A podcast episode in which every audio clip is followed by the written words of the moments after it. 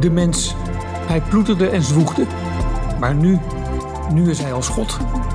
En kan er maar beter goed in worden.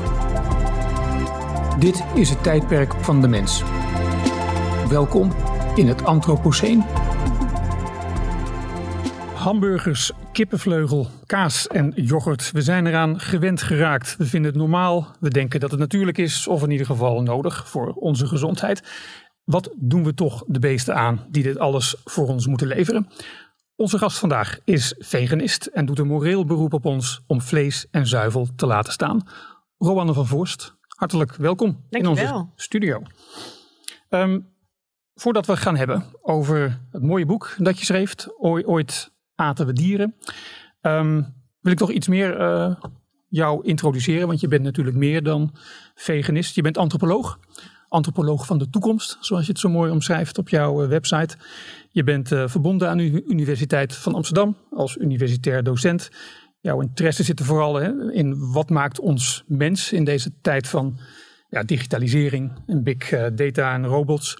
En hoe houden we de samenleving menselijk? Um, ik ben bekend met jouw werk sinds jij geloof een jaar in Jakarta hebt gewoond, in een sloppenwijk in Jakarta. En daar heb je ook een boek over geschreven. De, de beste plek ter wereld, hoe heet het ook weer? heel knap van je dat je dat ja, weet. De beste plek lang geleden. Ja. Nou, het heeft indruk gemaakt. Ja, ja, ja. dat was nee, een hele mooie tijd in mijn leven. Ja. En je was daar onder meer om de effecten van klimaatverandering te onderzoeken op uh, de mensen die wonen in de sloppenwijken daar. Um, je ging ook een half jaar naar Groenland. Uh, waar het, wat is het, min 10, min 30 ongeveer uh, was. Hè? Heel koud en heel donker. Want ik zat er ook nog eens in het half jaar dat de zon eigenlijk zich niet liet zien. Oh, heerlijk, ja. Heerlijk. ja. Nou ja, met, met die twee avonturen ben je al de stoerste antropoloog die, die je kent in ieder geval. Yes. zeg misschien ook wat over mijn discipline, hè? ja, ja, inderdaad. Ja. Nou ja, goed, eh, je hebt de originele invalshoeken natuurlijk. Je hebt ook geschreven over de toekomst van vriendschap en, uh, en relaties. En nu onderzoek je uh, volksgezondheid hè, in, in diverse landen. Is, is er nog iets wat ik mis, uh, wat je toch belangrijk vindt om nog even aan te vullen? Nee, nou volgens mij heb je het belangrijkste gehad. Ik, ik kijk inderdaad altijd naar toekomstscenario's. Want ik heb, ik heb twee achtergronden. Dat is misschien goed om te weten voor mensen. Ik ben zowel antropoloog, daar ben ik in gepromoveerd, als toekomstverkenner.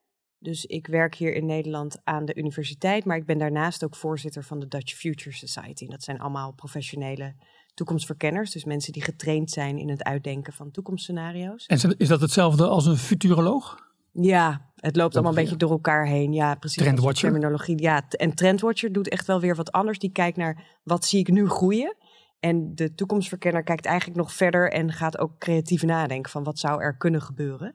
Um, en ik probeer dan altijd naar de plekken in de wereld te gaan waar ik al een eerste teken zie van zo'n toekomstscenario. En daar kwam ooit Aten we dieren uit voort, maar ook bijvoorbeeld mijn boek uh, met z'n zes in bed over de toekomst van vriendschap en liefde. Ja, ja. ja.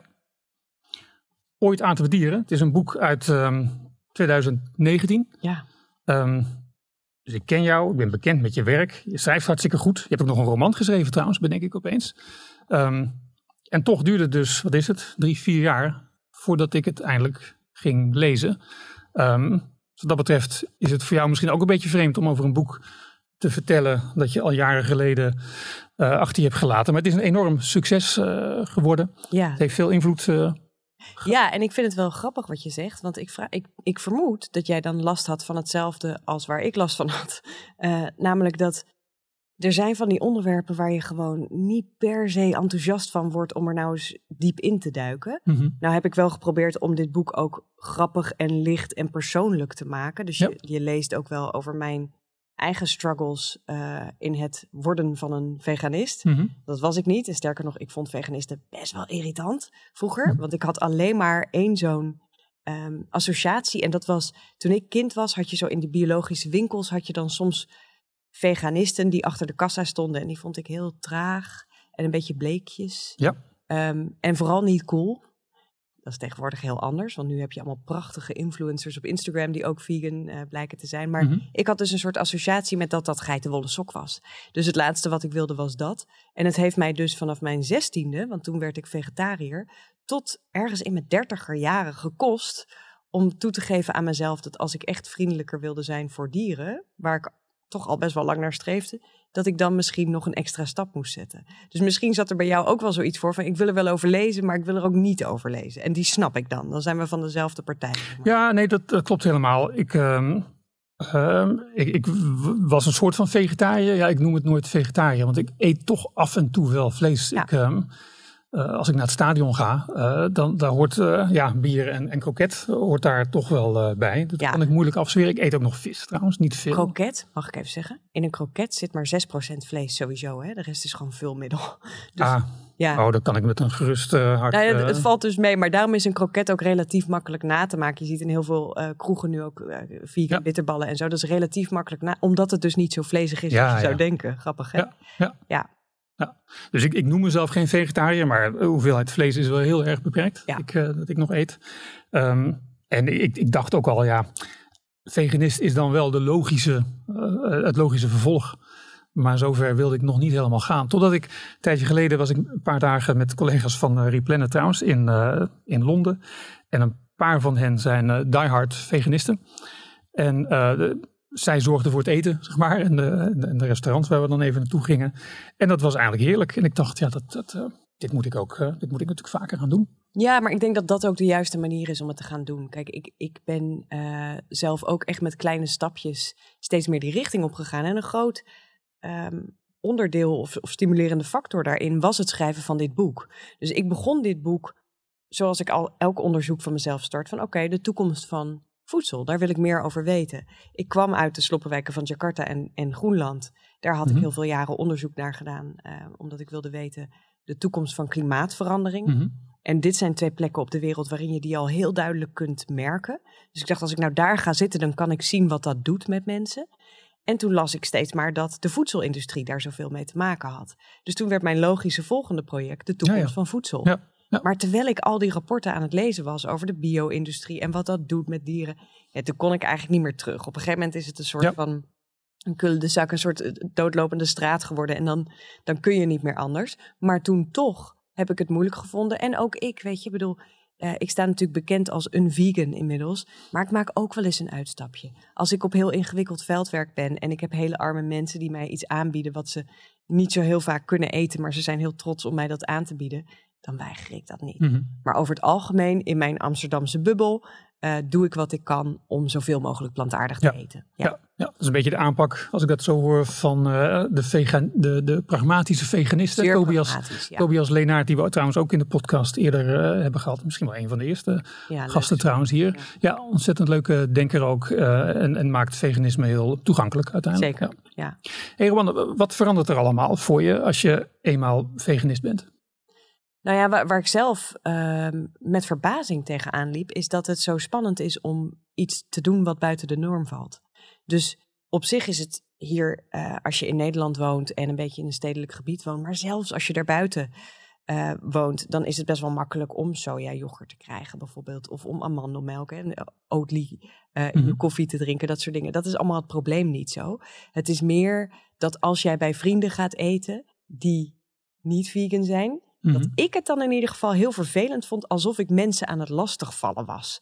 Alsof ik ineens het moeilijker maakte. Want, want als jij op bezoek kwam bij mensen om te eten. Ja. Uh, nou, zij weten natuurlijk vanwege jouw boek dat jij vegan ja. bent. Ja, ehm, en ik vind dat inmiddels ook prettiger. Hè? Ik, bedoel, ik heb wel zoiets van, als ik niet hoef bij te dragen door er zelf aan mee te betalen, dan wil ik graag plantaardig eten. Mm maar, maar dat vragen van, oh, wil je daar dan rekening mee houden? Vond ik een lastige. En dat vond ik zelfs bij mijn partner lastig. Van, oh, we hadden altijd dit gerecht waar we samen van genoten. En nu wil ik daar ineens een alternatief op bedenken.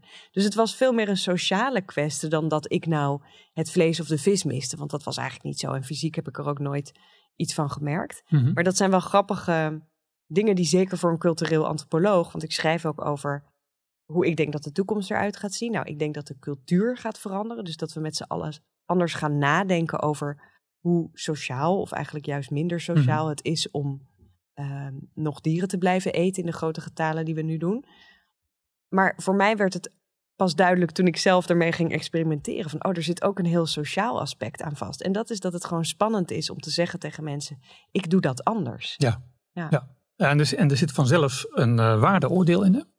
Veel veganisten hebben volgens mij nog altijd wel de neiging om ja, zichzelf toch uh, iets laat ik het zo zeggen, hoger in te schatten dan anderen. Uh, moreel ja, en dan moeten ze superioriteit. Want dan, dan zijn ze dommig bezig, omdat ze dan het heel zwart-wit maken. Kijk, mijn partner is bijvoorbeeld niet uh, vegan. En dus koop ik ook met heel veel liefde zijn plakjes kaas voor hem of zijn mhm. kaas. De, maar hij, hij plant bomen voor zijn bedrijf, weet je wel. Dus wie is er nou uiteindelijk beter voor het milieu? Ik weet het niet. Nee, ik vond het heel leuk, dat schrijf je ook in je boekje. Schrijf volgens mij ook dat, dat hij het parkje eh, bij jullie voor het huis uh, opruimt af en toe. Precies. Bijvoorbeeld. En dan denk je, ja, um, hoezo ben ik dan beter dan hij? Hij legt van misschien andere prioriteiten. Ik geloof heel erg dat je, je... Ik denk dat we allemaal een stap voorwaarts moeten maken. Want de problemen worden steeds dwingender en die zien we. Maar voor de een is het misschien net even wat makkelijker om vegetariër te worden. De andere vindt dat vreselijk moeilijk en probeert en zegt misschien ja, maar ik stop met vliegen. En zo draag je allemaal wat bij. Maar voor mij was het dierenleed waar ik over las ook wel zo indrukwekkend. Um, dat ik op een gegeven moment dacht, ja nee, daar wil ik niet meer aan meebetalen. Mm en, en dat zal ook voor iedereen anders liggen. Er zijn ook mensen die, die net nog wat meer begaan zijn met een conflict ergens. Dus ik, ik geloof dat je allemaal wat kunt doen, maar niet allemaal per se hetzelfde hoeft te doen. Mhm. En het is nou eenmaal zo, er, weet je wel, in heldendaden, die zijn niet in het zwart of wit. Ik denk dat de meeste mensen met gewoon wat minder vlees eten, als we dat massaal zouden doen, ja, dan zijn we echt al zoveel verder dan we nu zijn. Mhm. En dat is ook uiteindelijk wat ik predik hè, in het boek, dat ik een toekomst voor me zie waarin het de norm wordt om geen dieren te eten. En dat er misschien nog heel af en toe uitstapjes zijn. Dat je als je echt heel erg iets te vieren hebt en je hield nog zo van dat ene uh, vlees- of visgerecht, mhm. dat je dat dan koopt, maar dan voor een hele dure prijs, bijvoorbeeld. Um, of dat we meer zo gaan eten zoals onze grootouders deden. Want mhm. die aten ook echt niet zoveel dieren als wij. Die aten veel gematigder meestal daarin. Of bij heel veel gezinnen was het alleen op zondag bijvoorbeeld dat er een stuk vlees was. Ja, dat, ja omdat het natuurlijk een luxe was die zij zich toen niet konden veroorloven. Terwijl als het toen net zo goedkoop was als het nu zou zijn. Of als zij dezelfde welvaart hadden als wij nu. Dan hadden zij dat ook anders gedaan. Nou ja, weet je wat? Uh, ik heb het idee dat we over die toekomst komen we straks nog wel te spreken. Ik heb het idee dat je daar nou, je moet me nog iets meer over, overtuigen, laat ik het zo zeggen. Ik heb wel eens het idee dat je misschien iets te, te enthousiast bent dat het een, een, een rimpeleffect enorme gevolgen zal hebben in korte tijd. Terwijl ik me afvraag of dat echt zo is. Het komt op mij soms wat geforceerd optimistisch over, om het zo Snap te zeggen. Ik, maar je, je, hebt, hebben. precies, ja, maar je hebt zo'n leuk boek geschreven dat ik daar ook niet meteen uh, ja, over uh, door wil. Uh, zagen. Maar laten we dat nog even parkeren voor, voor, voor, voor, straks.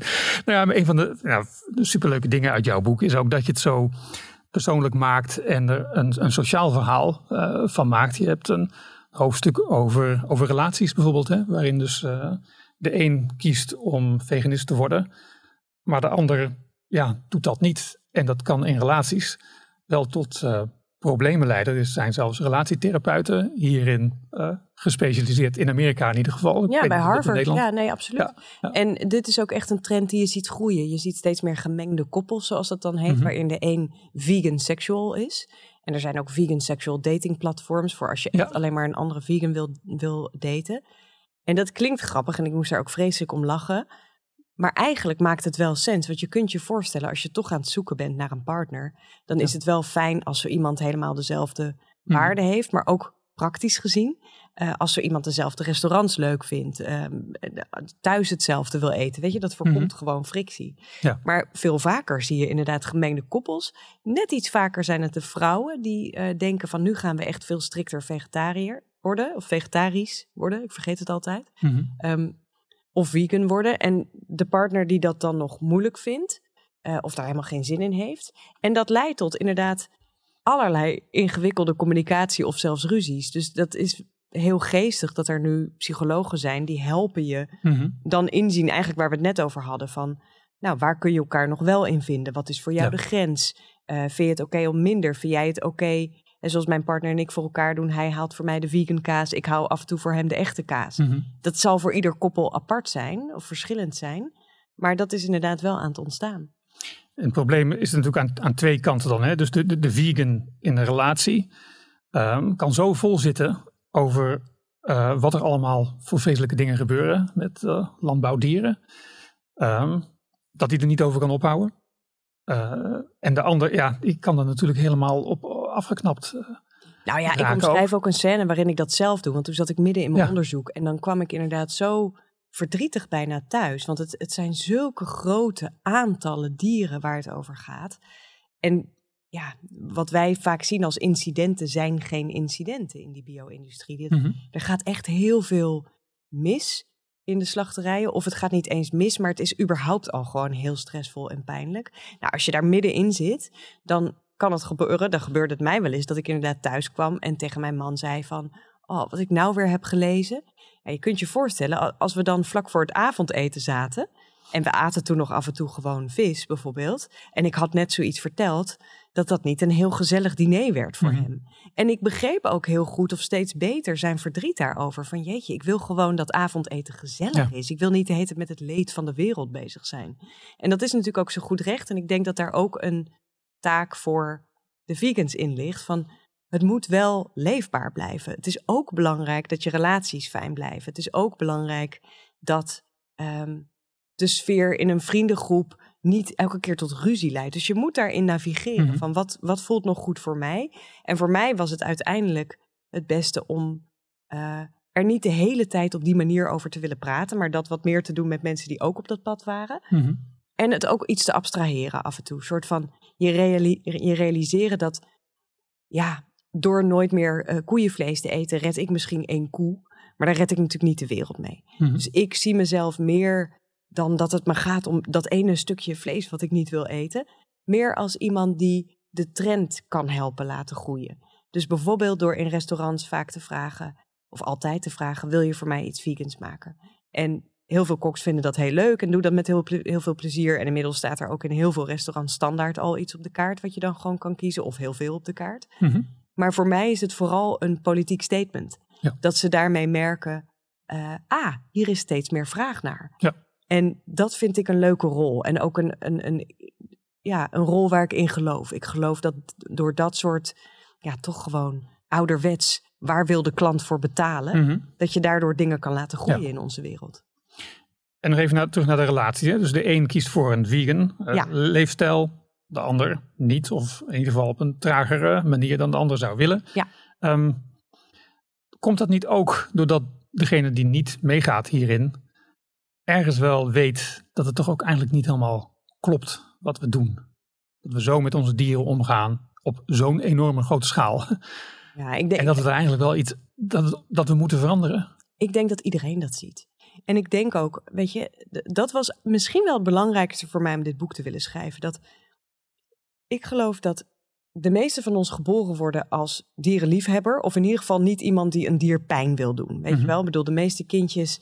eh, ik heb zelf een peuter rondlopen. En al die boekjes die gaan maar over wat zegt het schaap en wat zegt de koe. En dat vindt ze ook het allerleukst naar de kinderboerderij. Ik denk dat dat geldt voor mensen. We vinden dieren vaak schattige wezens en we willen heel graag een kat of een hond hebben. Maar we hebben aangeleerd gekregen dat het met boerderijdieren anders is. Dat je daar blijkbaar niet zo voor hoeft te zorgen en dat het ook oké is om die op te eten. Dat begrijp ik, want we hebben ook aangeleerd dat je die wel moet opeten, omdat je het nodig hebt voor je gezondheid. Mhm. En omdat we vroeger dachten dat mensen dat altijd hebben gegeten. Nou, inmiddels weten we uit de antropologie dat dat laatste niet het geval is. Dat er ook hele grote eh, perioden zijn geweest waarin de mensheid meer vegetarisch at. Omdat er gewoon geen dieren te verkrijgen waren door klimaatveranderingen destijds. En van biologie en fysiologie weten we dat je heel goed gezond en vaak zelfs gezonder kan zijn als je wat meer vegetarisch of zelfs vegan eet. Maar dat is hele recente informatie. Dus wat mijn conclusie was, is dat natuurlijk weten we wel dat het niet oké is zo massaal als we het nu zijn gaan doen. Want dan kan je het eigenlijk niet meer diervriendelijk doen. Mhm. Maar als je nog steeds denkt, ja, maar het moet. Ik bedoel, je moet je B12 of je ijzer of weet ik veel wat we allemaal dachten. Dan zie je geen uitweg. En dan kan je maar beter inderdaad gewoon het niet willen horen de hele Mhm. tijd, dat gezeur. Want dan weet je niet welke kant je uit moet. Dus ik denk niet dat, dat we in die zin schuldig, we doen het niet expres. Maar er is iets in ons brein wat bijna die informatie weg wil houden. Ja, dus we houden onszelf een beetje voor de gek eigenlijk. En we verzinnen argumenten, redenen waarom het helemaal niet verkeerd is om vlees te eten, toch? Ja, en natuurlijk is of normaal. Of, Absoluut. eh, En, en bedoel, ik ben nog opgegroeid in de tijd waarin je elke dag een beker melk moest drinken. Want melk was goed voor elk, weet je, dat soort dingen. Waarin Mhm. de dokter nog steeds, eh, als je zwanger bent, eh, had ik een paar jaar geleden dat best wel schrikken vindt als je zegt van, oh ja, nee, maar ik ben vegan. Want de dokters worden nog steeds getraind met de schijf van vijf. En daar staat nog steeds dat je vlees moet eten. Mhm. Dus het, het is echt niet zo gek. Het is niet eens jezelf voor de gek houden. Het is meer, je moet een hele, eigenlijk vrij recente vorm van kennis hebben. En dan kan je er ineens doorheen gaan prikken van, oh, maar we hebben het helemaal niet nodig. En het mooiste voorbeeld daarvan vond ik eigenlijk, mijn eerste hoofdstuk heet Hoe de boeren de wereld veranderen. En daar heb ik interviews gedaan met, met uh, voormalig, voormalig veehouders. Die zelf getransformeerd zijn naar tuinierder. Of die uh, kweken tegenwoordig lupinebonen Mhm. of sojabonen.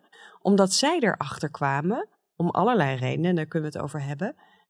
Dat waar zij zo oprecht in geloofden, namelijk ik maak iets wat echt goed is voor de mens. We hebben dit nodig. Mhm. Dat dat niet klopte. En toen keken ze ineens naar hun dieren en hun bedrijf en dachten ze, ho, maar Mhm. als we het niet nodig hebben voor de gezondheid, waarom behandel ik deze dieren dan zo? Mhm. Want de meeste veehouders zijn dierenliefhebbers. Dat is de Ja. reden waarom ze dat zijn geworden, weet je wel? Dus, en die zijn steeds meer door de schaal opgedreven tot een soort massa-industrie, waar ze zich toch al niet zo fijn in Mhm. voelden. Ja. ja. Ik heb wel het idee, want je, je haalt inderdaad een aantal boeren aan, eh, van verschillende plekken ook, met wie je gesproken hebt, bij wie je soms ook op bezoek bent, eh, bent geweest. Hè.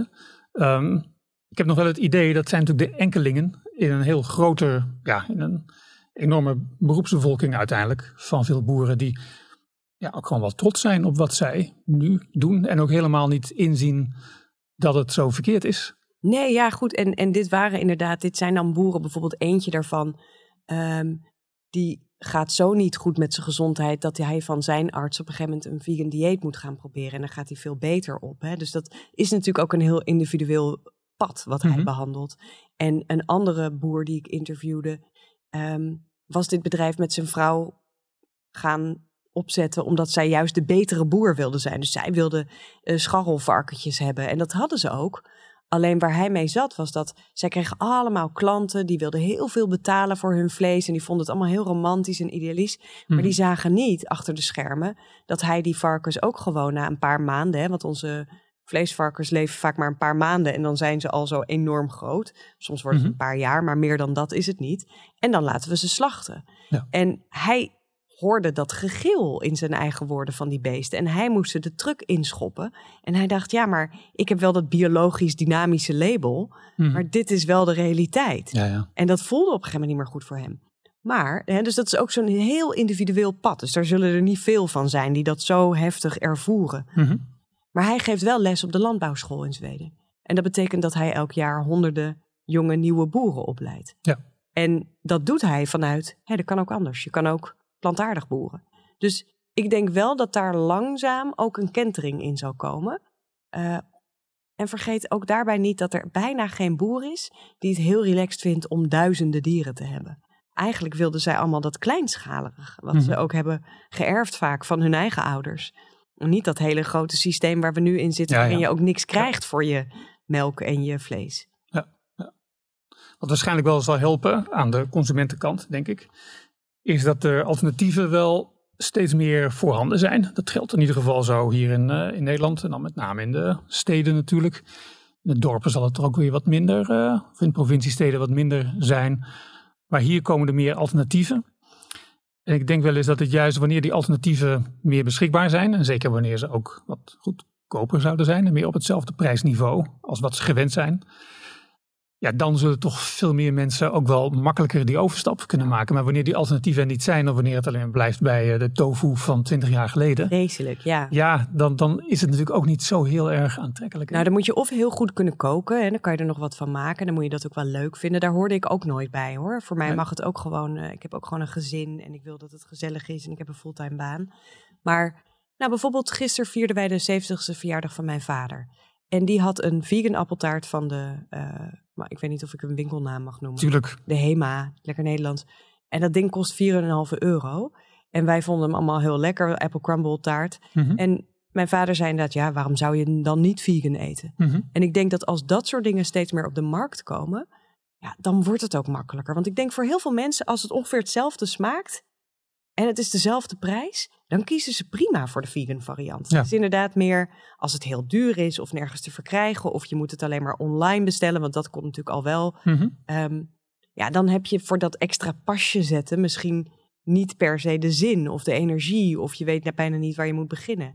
Maar ja, tegen de tijd dat mijn dochter haar eigen boodschappenmandje vult, denk ik dat er nog veel meer te verkrijgen is. Ja. Zelfs de vegan kaas begint nu beter te worden. En dat was lange tijd mijn um, issue ermee. Dat ik dacht, oh, maar die lekkere kaas ja, bij de borrel. Kaas ook heerlijk, ja. Waar zijn ze dan? Mhm. Nou, ze zijn er nog niet. Er zijn er één of twee die ik echt lekker vind. Uh, en de rest eigenlijk gewoon nog niet. Dus daar moeten we ook eerlijk over zijn, weet je. Dat, Mhm. dat is gewoon zo. Maar het begint allemaal wel te komen. En de prijzen worden ook snel lager. Dus ik denk dat je gelijk hebt. Dat gaat veel mensen helpen. Jouw, eh, in jouw boek is het vooral toch een moreel eh, pleidooi, zou ik zeggen. Je, je zei wel eerder dat je via jouw onderzoek eh, in Jakarta en later in Groenland, dat je met klimaatverandering natuurlijk bezig was en dat dat onderwerp jou op het pad ook bracht van, eh, van vleesconsumptie. Volgens mij komt klimaat pas in het laatste of het ene laatste hoofdstuk in het boek naar voren. Want tot die tijd is het heel erg een, een ja, uh, vanuit een moraliserende positie. Ja, maar hier moeten we toch mee eindigen. Dit is toch helemaal niet waarom wij uh, hier ter aarde zijn.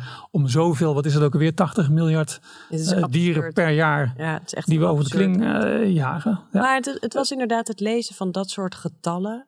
eh, het komen op de plekken waar die dieren ook eh, geslacht of vastgehouden worden.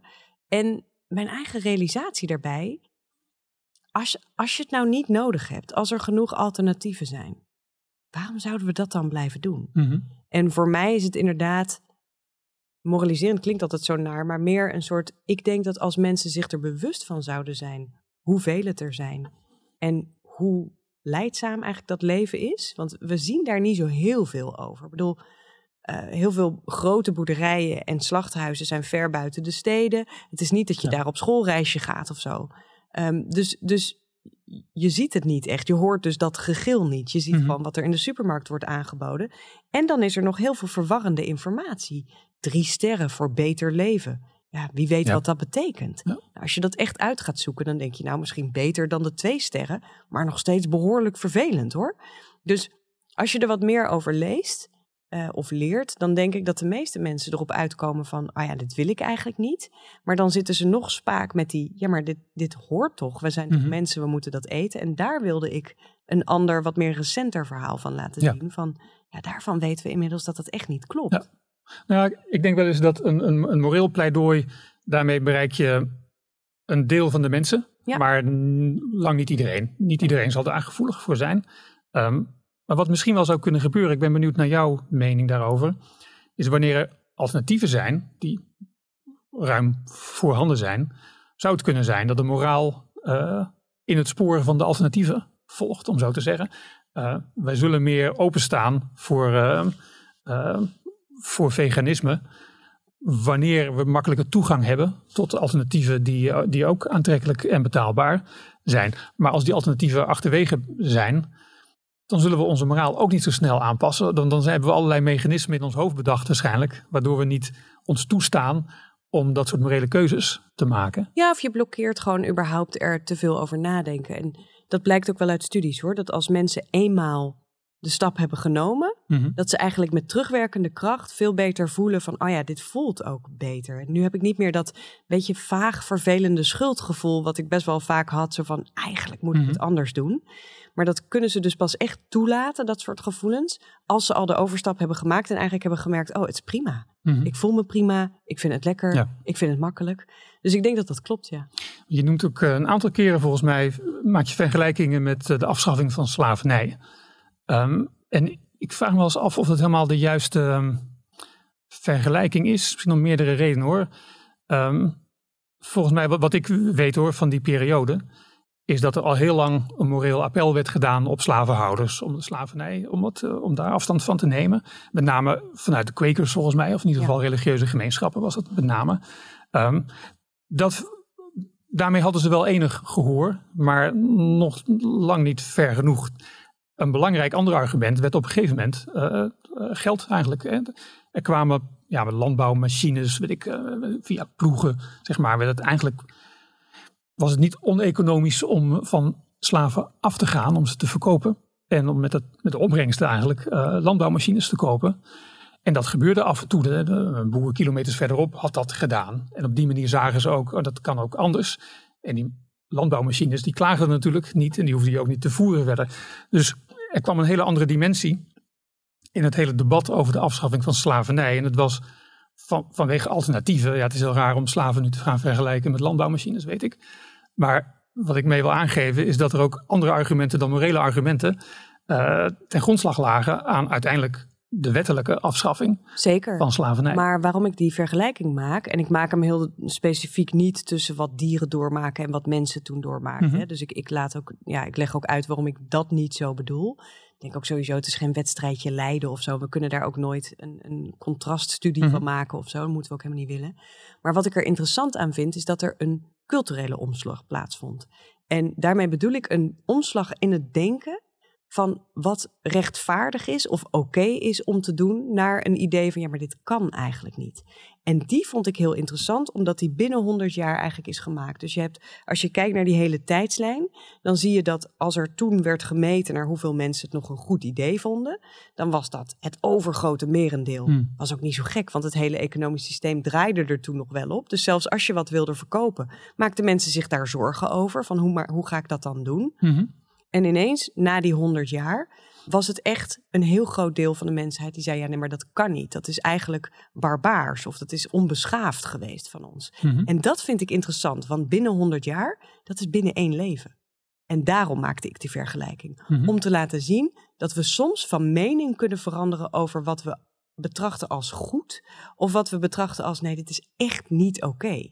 Onderschat je misschien niet ehm, een aspect van, de- van onze vleesconsumptie die je niet terugvindt bij wanneer het gaat over roken of, of slavernij trouwens. Ehm, dat ehm, bij roken gaat het natuurlijk maar om één product waar we op een gegeven moment vanaf zijn eh, gestapt. Bij, nou laat ik misschien homo-emancipatie noemen, dat noem je volgens mij ook op het einde. Ehm, dat waren homoseksuelen die opkwamen voor, voor het recht om anders te zijn en om niet in elkaar te worden geslagen en Mhm. gewoon bescherming van de politie te krijgen. Met Harvey Milk in, eh, San Francisco Ja. bijvoorbeeld in de jaren zestig.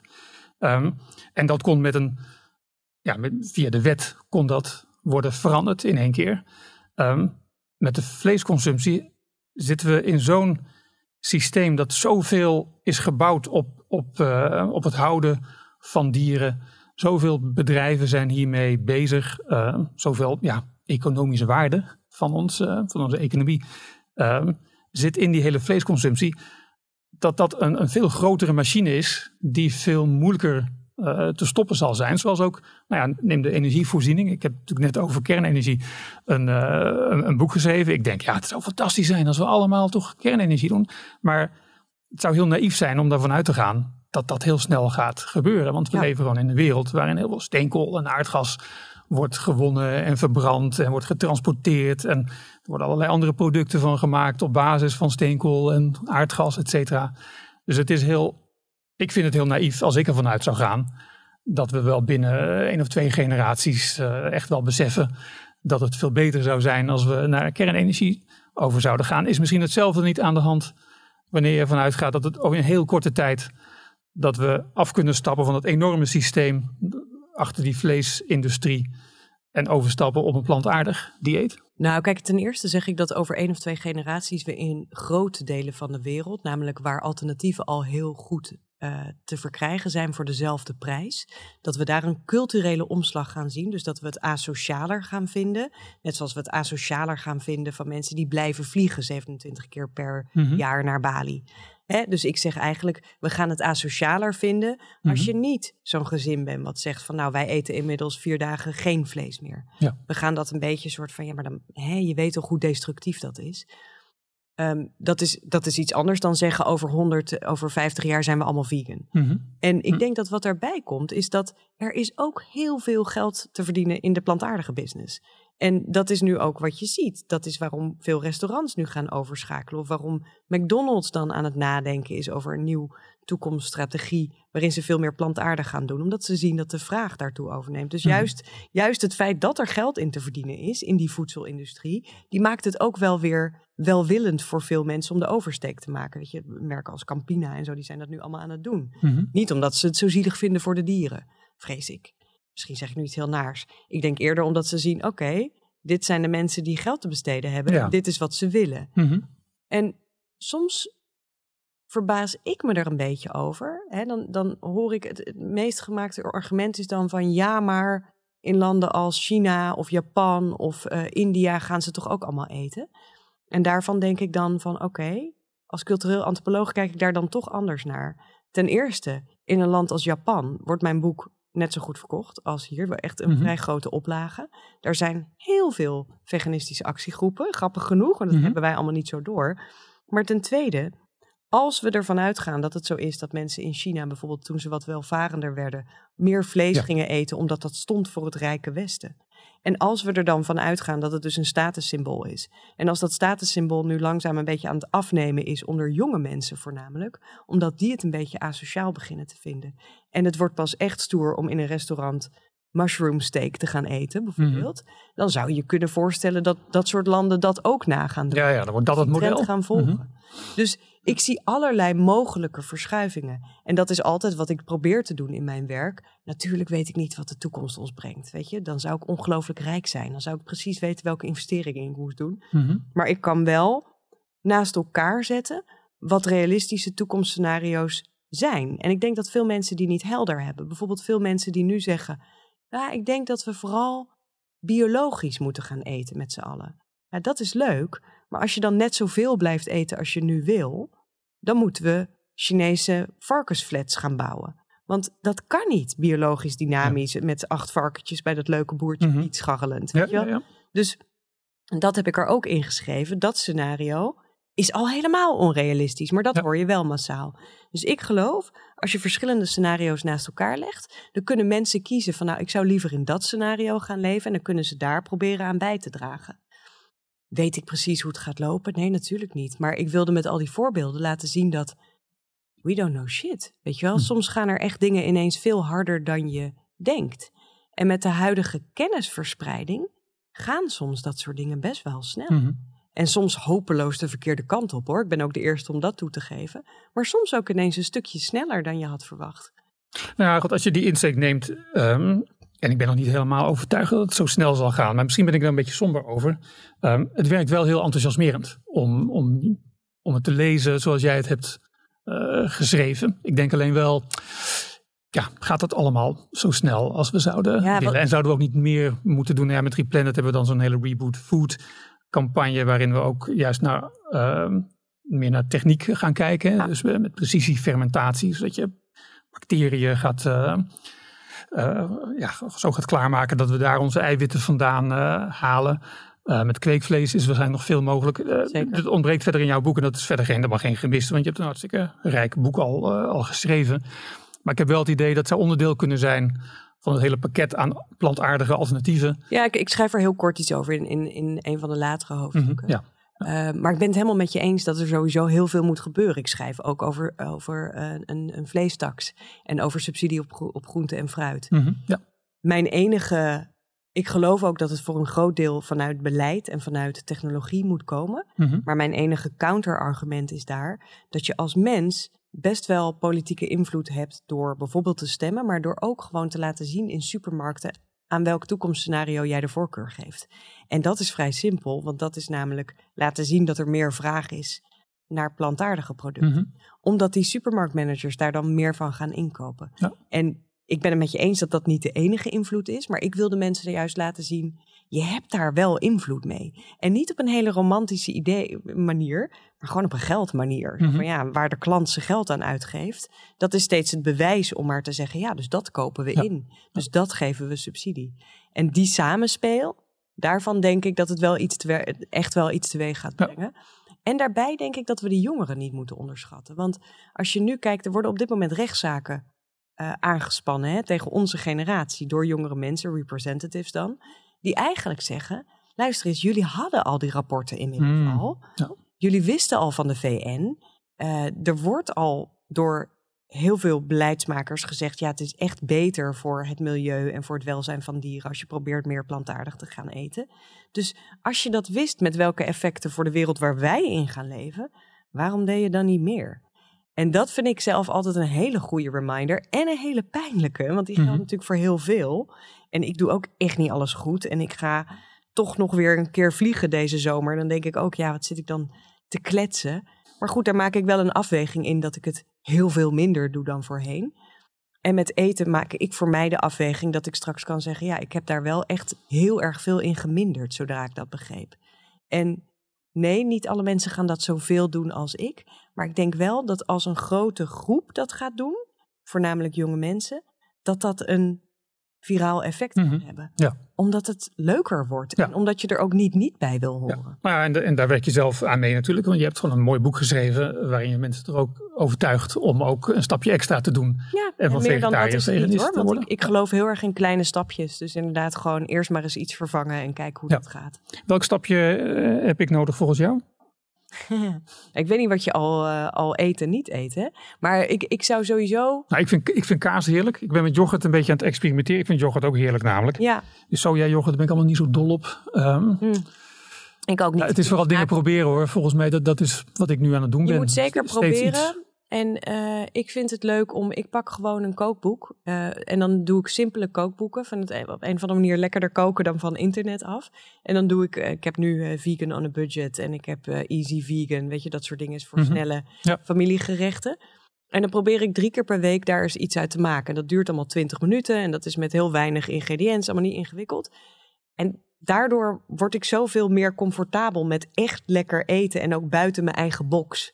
Eh, dat vind ik altijd een goeie, omdat het wat meer. Je wordt dan gewoon enthousiast Mhm. over wat er allemaal kan. In plaats van dat je het gaat zien als ik ontzeg mij dingen, ga je dus ook experimenteren met nieuwe dingen. Ja. En ik denk dat dat het makkelijker maakt.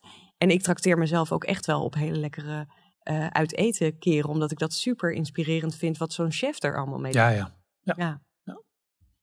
Leuk. Ik ga, eh, ik ga verder aan de slag. Dankjewel. verder aan de slag. En, en dankjewel voor het schrijven van het boek. Ik vond het echt superleuk om te, om, om te lezen. Er staan ook ontzettend veel leuke dingen in. Dingen die ik ook helemaal niet wist en zo. Je hoort heel vaak... eh, dat, weet je wie ook vegetariër was? Ja. Hitler, zeggen, Ja. zeggen ze dan. Ja. Maar dan lees ik hier dat hij wel degelijk gevulde duif at. Hij had toen, hij, gevulde duif, ja. toen hij geen vlees meer at. eh, Dat had vooral te maken met... Dat was ook weer zijn darmklachten volgens mij. Hij was winderig. Ja, En dat staat dan- Een issue. Ja. En dat staat dan gewoon terloops even zo in een, eh, in een bijzinnetje. Ik vind het echt superleuk. En ook dat uh, Hij scheen ook waren. heel veel cocaïne te gebruiken, heb ik laatst gelezen. Echt waar? Ja, dat verklaart een hoop, toch? Ja, inderdaad. Ja. Goh. Ja. Maar Ook weet ik, wat was ook weer? Condooms, daar zit eh, gelatine Varkens, in eh, volgens ja, mij. Er zit Ja. gelatine in, ja. En in de pil zit caseïne volgens mij. Dat ook Er weer. zit in heel veel medicijnen zit er wat. Ah ja, ja. Ja. En ook daar moet je pragmatisch in blijven, denk ik hoor. Ik lees ook niet elke pilstrip. Ik bedoel, het moet allemaal wel een beetje Nee, nee, maar, het- blijven. Maar nee, maar ik, dacht wel weer, hey, het is gewoon echt wel alom tegenwoordig. Nou goed, ehm, veel dank voor eh, dit gesprek. jij ook. En, eh, en dank voor het mooie boek Ooit Aten we Dieren. En u, luisteraar, dank u wel voor het luisteren. Ehm, als u meer afleveringen wil horen van deze podcast, abonneer u dan via ons kanaal op de bekende platforms Spotify, Soundcloud, YouTube, noem maar op. Deze podcast is een samenwerking van Replanet Nederland en ecomodernisme.be. Met grote dank aan Roman van der Ree voor de techniek. Graag tot een volgende keer.